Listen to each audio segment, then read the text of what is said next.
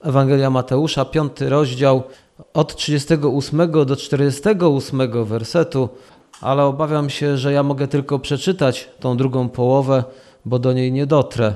Słyszeliście, iż powiedziano oko za oko, ząb za ząb, a ja wam powiadam, nie sprzeciwiajcie się złemu, jeśli ktoś cię uderzy w prawy policzek, nadstaw mu i drugi, a temu, kto chce się z tobą procesować i zabrać ci szatę, zostaw i płaszcz. A kto by cię przymuszał, żebyś szedł z nim jedną milę, idź z nimi dwie. Temu, kto cię prosi, daj, a od tego, który chce od ciebie pożyczyć, nie odwracaj się. Słyszeliście, iż powiedziano, będziesz miłował bliźniego swego, a będziesz miał w nienawiści nieprzyjaciela swego, a ja wam powiadam, miłujcie nieprzyjaciół waszych i módlcie się za tych, którzy was prześladują, abyście byli synami Ojca waszego, który jest w niebie, bo słońce jego wschodzi nad złymi i dobrymi i deszcz pada na sprawiedliwych i niesprawiedliwych. Bo jeśli byście miłowali tylko tych, którzy was miłują, jakąż macie zapłatę? Czyż i celnicy tego nie czynią? A jeśli byście pozdrawiali tylko braci waszych, cóż osobliwego czynicie? Czyż i poganie tego nie czynią? Bądźcie wy więc doskonali, jak Ojciec wasz niebieski doskonały jest. Tak jak wspomniałem, prawdopodobnie nie dotrzemy do drugiej połowy. Pewien ojciec wyjechał w interesach na trzy lub cztery dni, no i w trosce o należytą opiekę nad żoną pod jego nieobecność zamienił słowo z najstarszym synem, który miał wówczas dziewięć lat. Kiedy mnie nie ma, powiedział, chcę, żebyś pomyślał, co normalnie robiłbym w domu, no i będziesz robił to za mnie. Miał oczywiście na myśli sprzątanie, zmywanie naczyń, wynoszenie śmieci i tym podobne zadania. Po powrocie pyta żony, co zrobił syn. Cóż, powiedziała, to było bardzo dziwne. Zaraz po śniadaniu zrobił sobie kolejną kawę, poszedł do salonu, włączył głośną muzykę i przez pół godziny czytał gazetę. I ojciec miał nad czym się zastanawiać. Szokujące w tym fragmencie kazania na górze jest to, że mamy obserwować, co robi nasz niebiański ojciec, a potem mamy go naśladować, robić to, co on od nas oczekuje. I oto mamy zagadkę w ogóle w Nowym Testamencie. Izrael, naród wybrany, jest wezwany do uświadomienia sobie, że Bóg nie ma faworytów. I jak możemy to zrozumieć? No bo jeśli są wybrani, naród wybrany, to czy to nie oznacza, że są oblubienicami Boga? I odpowiedź na tą zagadkę znajdujemy w kazaniu między innymi na górze. Izrael nie został wybrany, aby był specjalnym ludem Bożym, a podczas gdy reszta świata pozostaje w ciemnościach zewnętrznych. Izrael został wybrany, aby być światłem świata, solą ziemi. Został wybrany, aby przez niego Bóg mógł błogosławić wszystkich ludzi. I teraz Jezus nawołuje Izrael, aby wreszcie stał się światłością świata. Wzywa swoich wyznawców, aby go naśladowali. I nie jest to bezpieczne. W tych czasach, w których teraz się znajdujemy, jeśli chodzi o czytanie tego kazania, Izrael był pod okupacją. Izrael generalnie w swojej historii miał wrogów, którzy opanowywali jego ziemię, poganie potrafili dać mocno w kość. Również wracając do tej sytuacji, w której oni wtedy byli, jeszcze podatki, które Izrael musiał znosić, bo nakładał na nich okupant, a również wewnątrz narodowe jakieś ruchy oporu, zeloci i jacyś inni. I to wszystko było napędzane gniewem na rosnącą niesprawiedliwość i niegodziwość. I wszystkie te kwestie, które my i dzisiaj doświadczamy, a więc podatki, frustracje, gniew, niesprawiedliwość, były palące dla nich. No i są aktualne i dla nas. Mamy więc słowa oko za oko, ząb za ząb. Znajdujemy je w Starym Testamencie, w drugiej księdze Mojżeszowej, w trzeciej, w piątej, więc to nie jest tylko w jednym miejscu. A skierował te słowa Mojżesz do Izraela. Pan Bóg chciał, aby ludzie mieli granice, aby kierowali się pewnymi zasadami w codziennym życiu. Chodziło tutaj o kontrolowanie złości i przemocy i również pragnienia zemsty.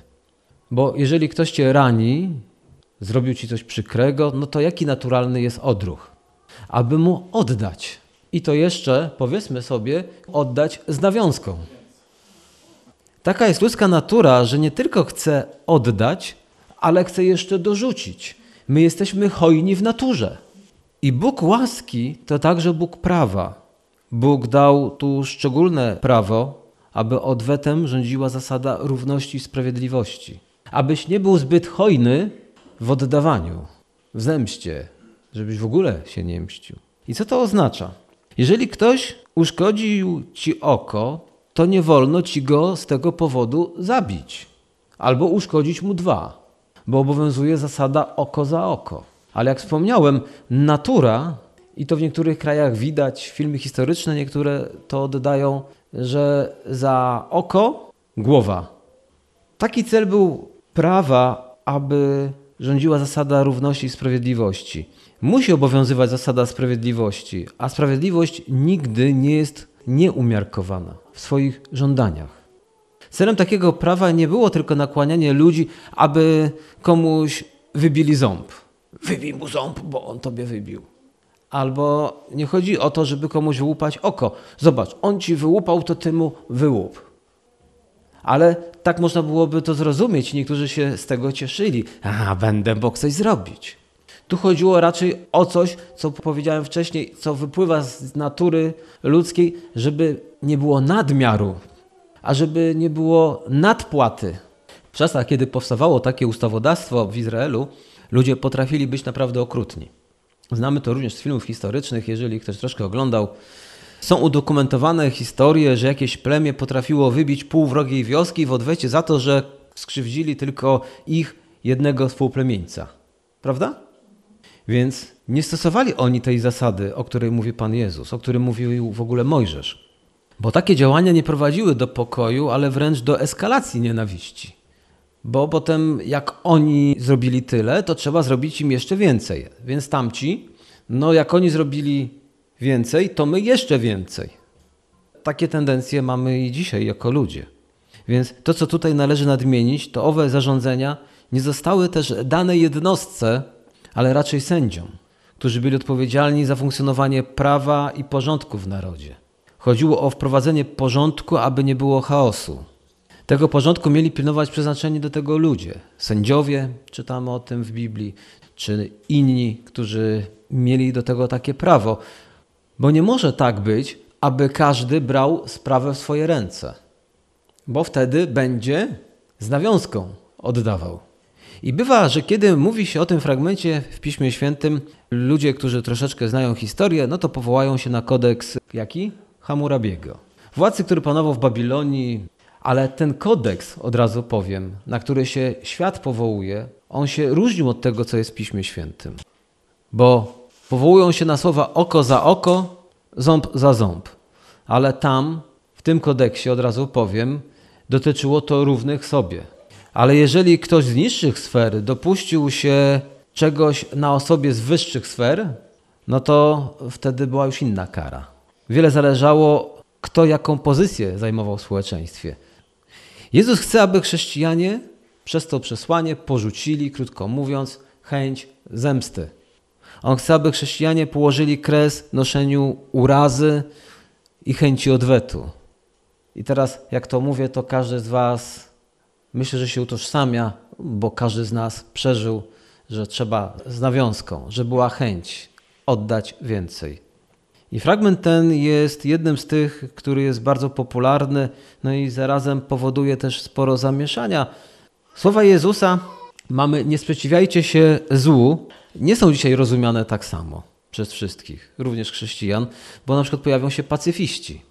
W historii chrześcijaństwa były takie grupy, które zrozumiały te słowa w ten oto sposób, że nawet jeżeli ich próbowali okraść, zgwałcić, zamordować, oni nic nie robili, stali. Ale wracamy do tego fragmentu.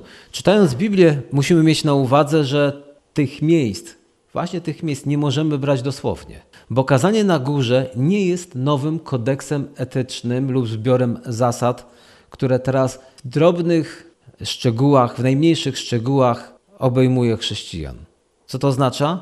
No to oznacza, że nie możemy tak robić, bo będziemy mieli kłopot. Bo kiedy będziemy sięgać do kazania na górze, aby tam szukać konkretnej odpowiedzi, to co? To jej tam nie znajdziemy. I jest to też zadziwiające, że kiedy ludzie mówią o łasce, a chrześcijanie dzisiaj coraz częściej mówią o łasce i podlegają też łasce na przeróżne problemy, których doświadczają na, na każdą sytuację życiową, szukają prawa. Co mówi prawo? Jestem tym zadziwiony, bo są ludzie, którzy bardzo dużo mówią o łasce, łaska, łaska, łaska, a tworzą nowe prawa i też szukają w Biblii odpowiedzi na każdą sytuację.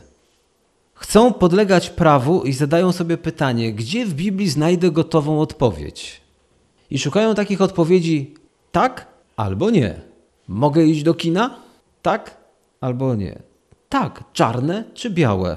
A kiedy dowiadują się, że nie ma prostej odpowiedzi na ich pytanie w stylu zrób tak i tak, albo nie rób tego i tego, to pakują się w problemy. Nie wszyscy, ale zauważam, że wielu na pewno. Jak sobie to interpretują? Co niezabronione jest dozwolone. Nie zastanawiają się, co duch mówi do kościoła, tylko nie zabrania tego Biblia, hurra, można. No bo litera nie mówi tak albo nie. Tak albo nie. To znaczy, że można. Jest jeszcze inna grupa. Sami tworzą sobie prawo według swojego zrozumienia, czyli nakazy, a potem te prawo i nakazy egzekwują. Czyli są kościoły, które nie znalazły, czyli zbory, wspólnoty, które nie znalazły odpowiedzi w Biblii na pewne rzeczy, więc tworzą sobie własne reguły, własne rozporządzenia, własne przykazania, a potem próbują innych z tego rozliczać. Byłeś w kinie, widział cię jeden z braci, a my do kina nie chodzimy. Albo widziałem cię, jak piłeś alkohol. My alkoholu nie pijemy. I wtedy próbują narzucać te swoje swoje przykazania, a więc ciężary na innych i mamy potem coś takiego jak katechizmy. I w tym katechizmach często jest, są dobre rzeczy, bo jest jakieś wyznanie wiary, jakieś wyjaśnienie, ale również nowe prawa. Dlaczego? Bo znowu nie zwrócono uwagę na ducha, tylko szukano litery. Zapewne znamy wiele takich przykazań, które w kościołach powstały, których nie ma w Biblii. I zależy od środowiska. Jest też bardzo wiele nauk w Piśmie Świętym i nie możemy stosować ich automatycznie, a raczej potrzebujemy podejść do nich według ducha, a nie litery. My nie lekceważymy litery, to podkreślam, ale doceniamy podejście duchowe.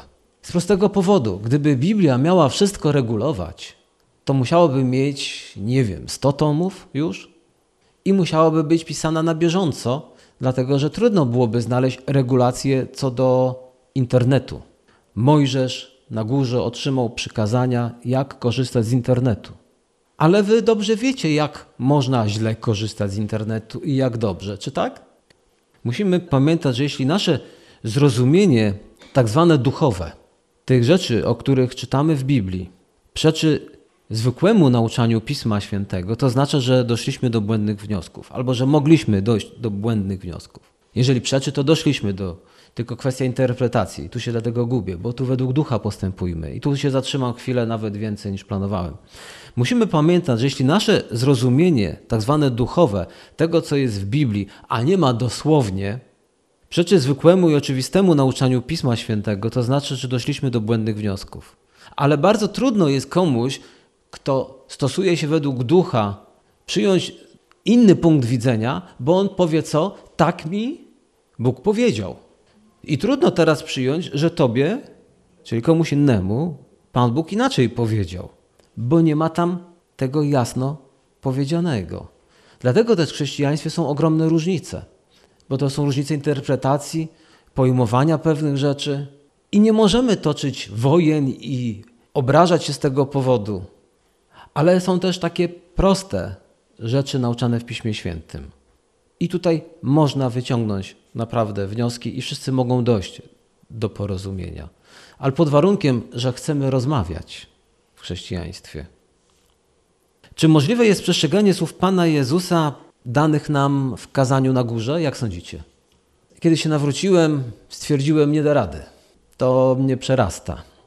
I byłem na dobrej drodze w tym znaczeniu, żeby dojść do właściwych wniosków, bo tak, tylko trzeba było lat to kazanie nie było adresowane do ludzi niewierzących. Te przepisy, te przykazania, nie wiem jak je określicie, nie były adresowane do ludzi niewierzących, dlatego że oni nie są w stanie przestrzegać Bożych rzeczy. Jest to po prostu niemożliwe. Te słowa były skierowane do ludzi wierzących, do ludzi królestwa. Jezus nauczał o Królestwie Bożym i tylko ludzie królestwa są w stanie się dostosować. Nikt nie będzie też nakłaniał niewierzących do realizowania nauczania Pana Jezusa Chrystusa. Jak wiem, że my mamy taką tendencję i mógłbym się tu zatrzymać i powiedzieć więcej, jak to chrześcijanie zmuszają niechrześcijan, aby przestrzegali Pisma Świętego. A potem się dziwią, że oni się nie chcą nawrócić. Oni nie rozumieją, dlaczego mają przestrzegać jakieś chrześcijańskie przykazania bo są innego ducha. Oni są pod wpływem grzechu, szatana i nie są w stanie pojąć i zrozumieć, dlaczego mają tak postępować. Nie cudzołóż, nie rób tego, nie rób tamtego, przecież Biblia jasno mówi i grzmią tacy kaznodzieje. Nawet gdyby chcieli, to nie mogą, bo natura, znacie to nauczanie, ich natura jest w stanie, oni nie potrafią. A też zdecydowana większość z nich nawet nie rozumie, dlaczego ma przestrzegać chrześcijańskiego nauczania. I dzisiaj w Polsce jest ogromny odpływ ludzi od chrześcijaństwa, w sensie nominalnego. Mówię nominalnego, bo nie mówię o nawróconych ludziach. Dlatego, że dlaczego mamy przestrzegać jakichś przykazań? Po co? Raz, że nie jesteśmy w stanie, dwa, nie widzimy sensu. Każdy może naśladować chrześcijan w postępowaniu, ale jeśli się nie narodził na nowo i nie otrzymał Bożej łaski, Bożej mocy, to są to tylko starania, ale nie jest to chrześcijańskie życie. I mówiąc całkiem obiektywnie, przecież on zbawiony nie będzie. To po co go zmuszać do przestrzegania chrześcijańskich zasad, jak i tak to zbawienia mu nie da? Bo zbawienie jest dla chrześcijan, a nie dla tych, co naśladują chrześcijańskie życie. To tak jak ktoś może ubrać się w mundur żołnierza, ale nim nie jest. Może sobie zrobić zdjęcie z karabinem, ale żołnierzem nie jest. Dzisiaj znane jest oszustwo na policjanta. A słyszeliście na chrześcijanina? Że ktoś postępuje jak chrześcijanin i wszyscy będą mówić to chrześcijanin? A czy to sprawia, że on jest chrześcijaninem? Ale teraz wracamy do naszego znowu tematu. Świat, to znaczy ludzie niewierzący, ci, którzy nie kierują się Bożym prawem i duchem, muszą mieć prawo. Ludzie ci pozostają pod kontrolą prawa i ono utrzymuje prawo i porządek, a zarazem też egzekwuje nadużycia. Więc prawo jest potrzebne. Nastawienie policzka, oddanie szaty, pójście drugą milę wskazuje na relacje. I to są tylko ilustracje do przesłania Pana Jezusa.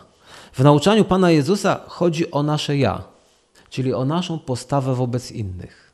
Dlatego ja nie muszę omawiać z osobna każdej tej zasady, która w tamtych czasach była lepiej rozumiana.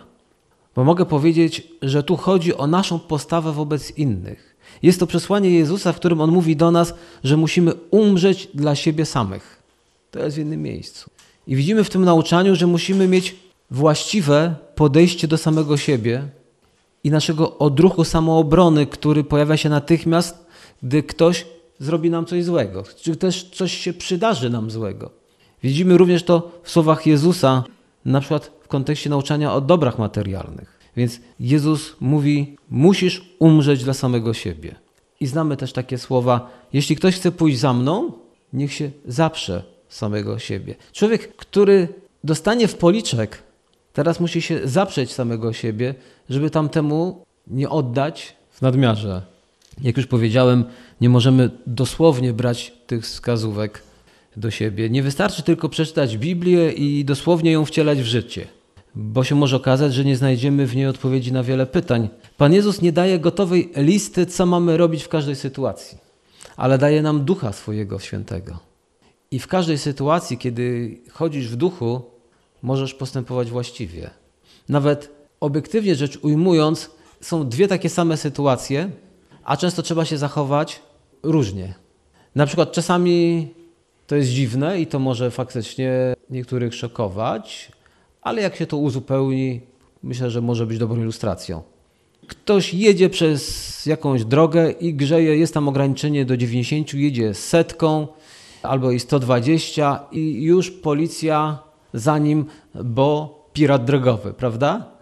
I ja znam to z wiadomości, a okazuje się, że kiedy policja go zatrzymuje, tego tak zwanego pirata drogowego, i się okazuje, że pędzi do szpitala, bo coś się dzieje, to oni mówią, to my teraz Pana będziemy eskortować. I wszyscy tak samo grzeją jeszcze szybciej.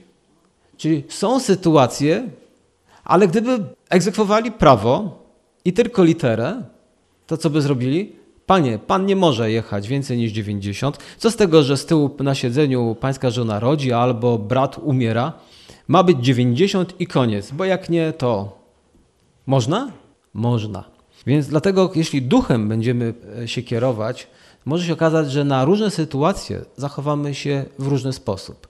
A może też tak być, że chrześcijanie obok nas nas skrytykują i oskarżą nie wiadomo o co, dlatego że nie rozumieją, że według ducha postępujcie.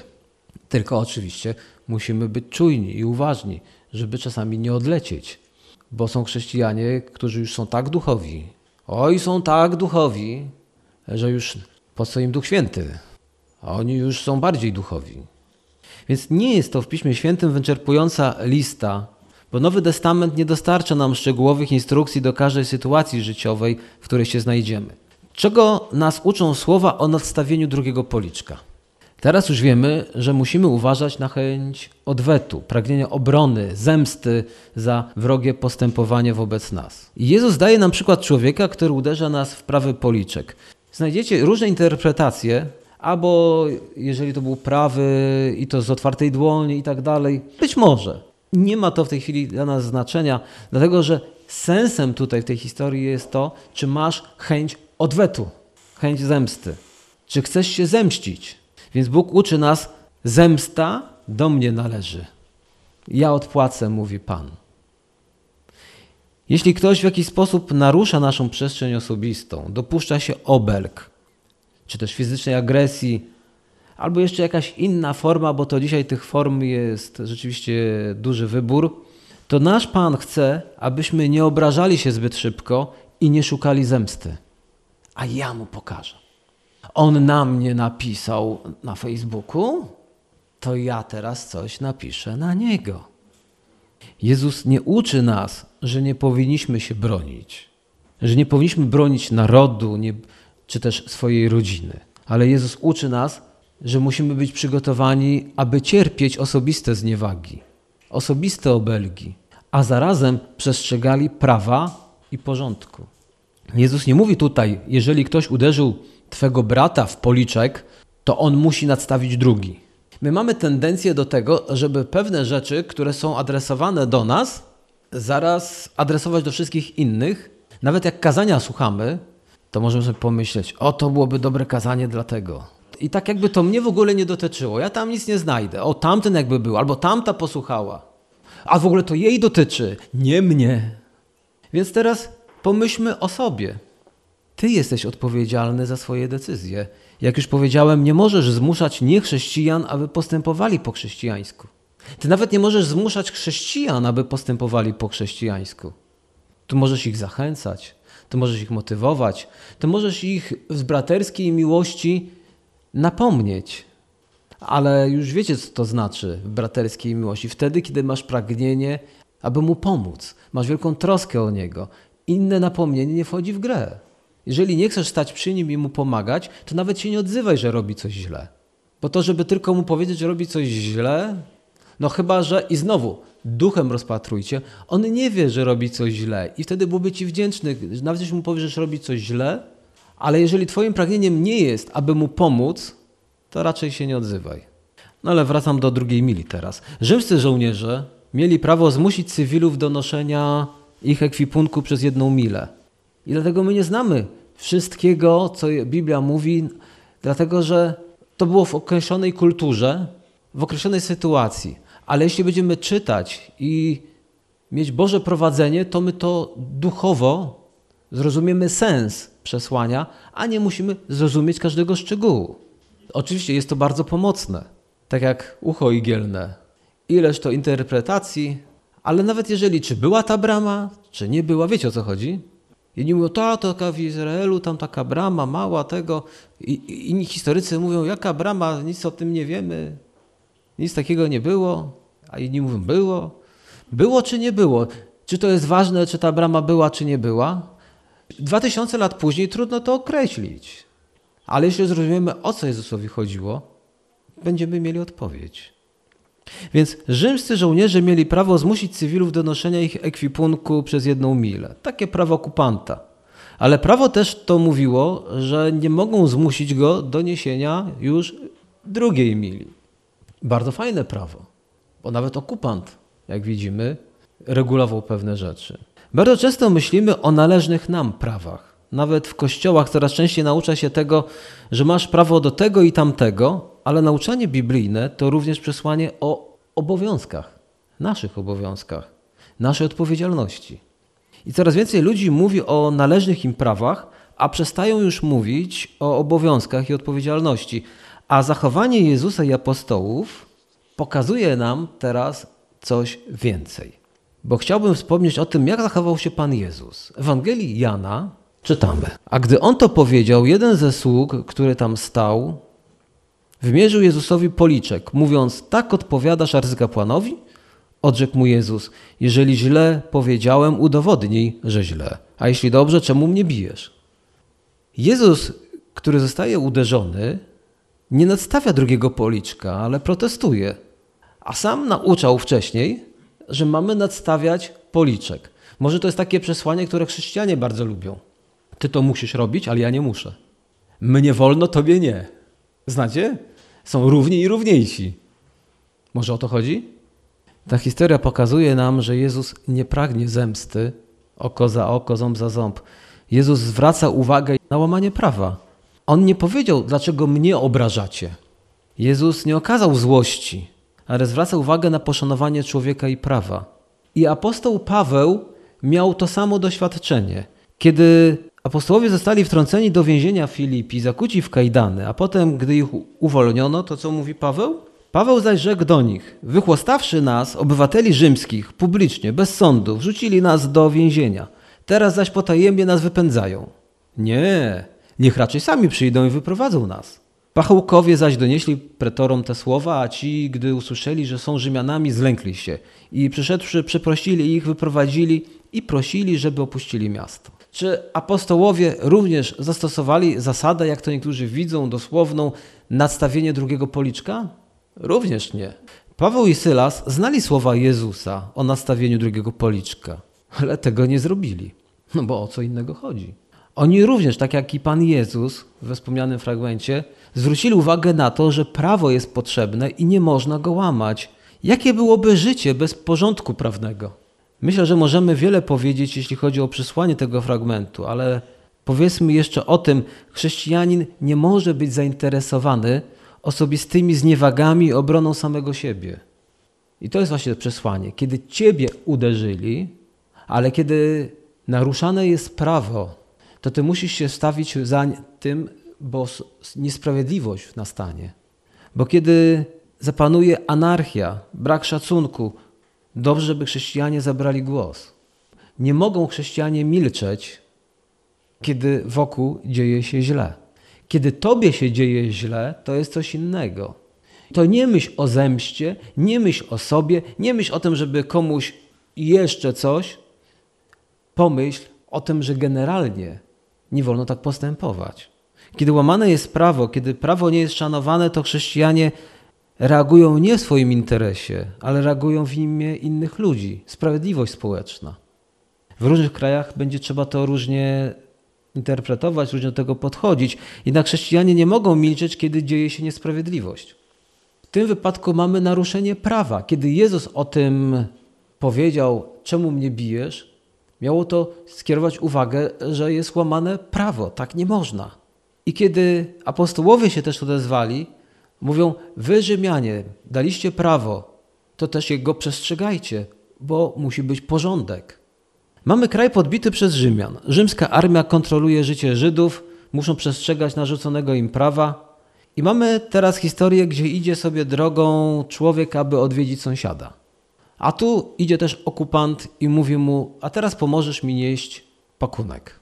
No i ty wiesz, że prawo mu na to pozwala, i również wiesz, że może on od ciebie oczekiwać właśnie tego, ale tylko na określoną odległość. Potem, potem zdejmujesz i mówisz, swoje zrobiłem. Czyli prawa przestrzegam, teraz daj mi spokój, znajdź sobie innego.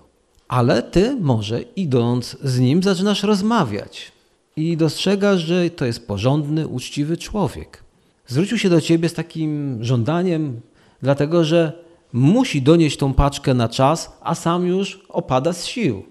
I kiedy tak byś to dostrzegł?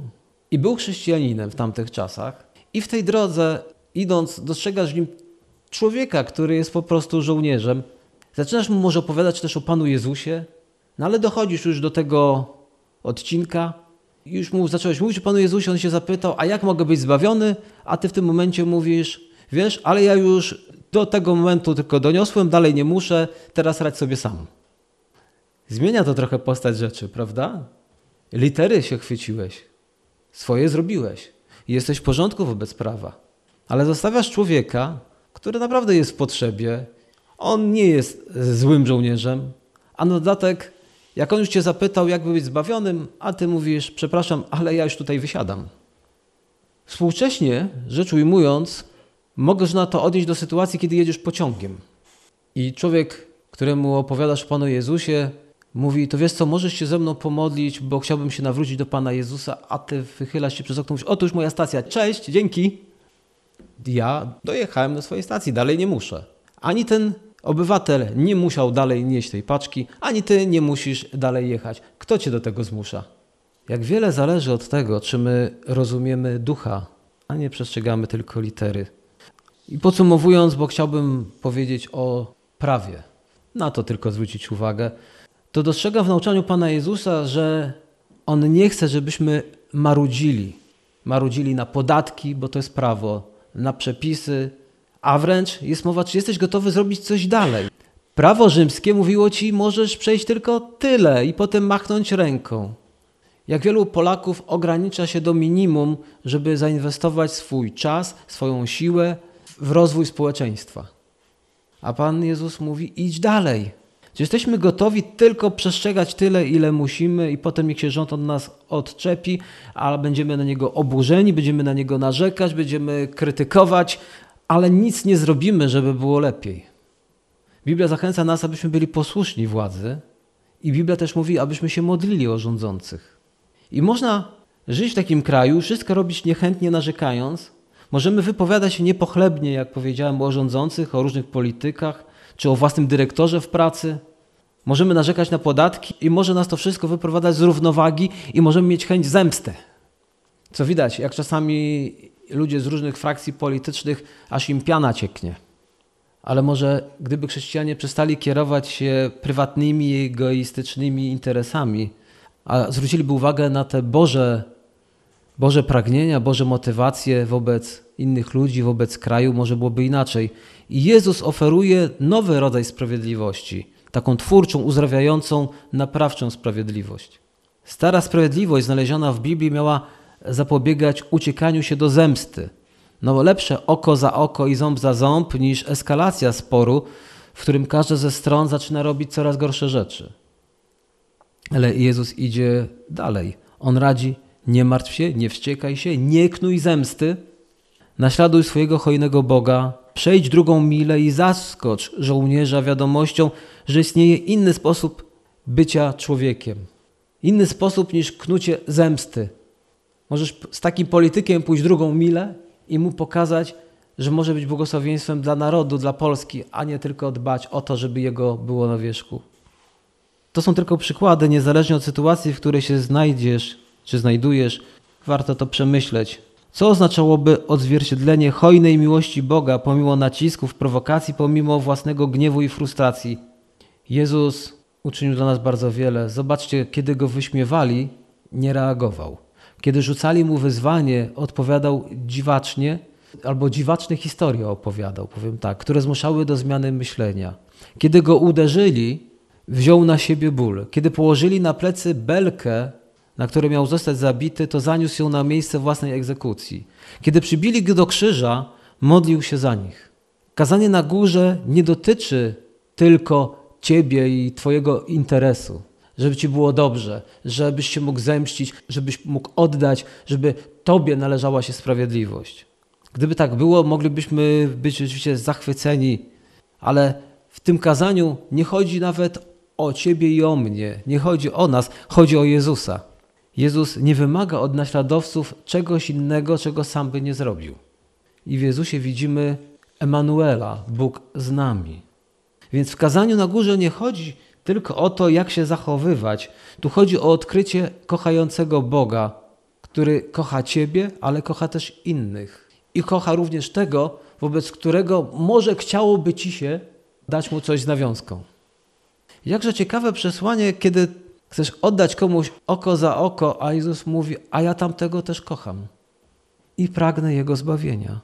Ja rozumiem Twoją chęć zemsty, ja rozumiem Twoją reakcję, ale On, Jezus modlił się na krzyżu, wybacz im Ojcze, bo co czynią? Bardzo często ci ludzie nie wiedzą, jak sobie szkodzą. Oni może wiedzieli, co robią, ale nie wiedzą, jakie konsekwencje wieczne to ma. Więc jeżeli my będziemy myśleć o naszej zemście i o tym, co nam się należy, i jak tu komuś oddać z nawiązką, to co się dzieje? Przestaniemy myśleć o tym, co Boże. Amen.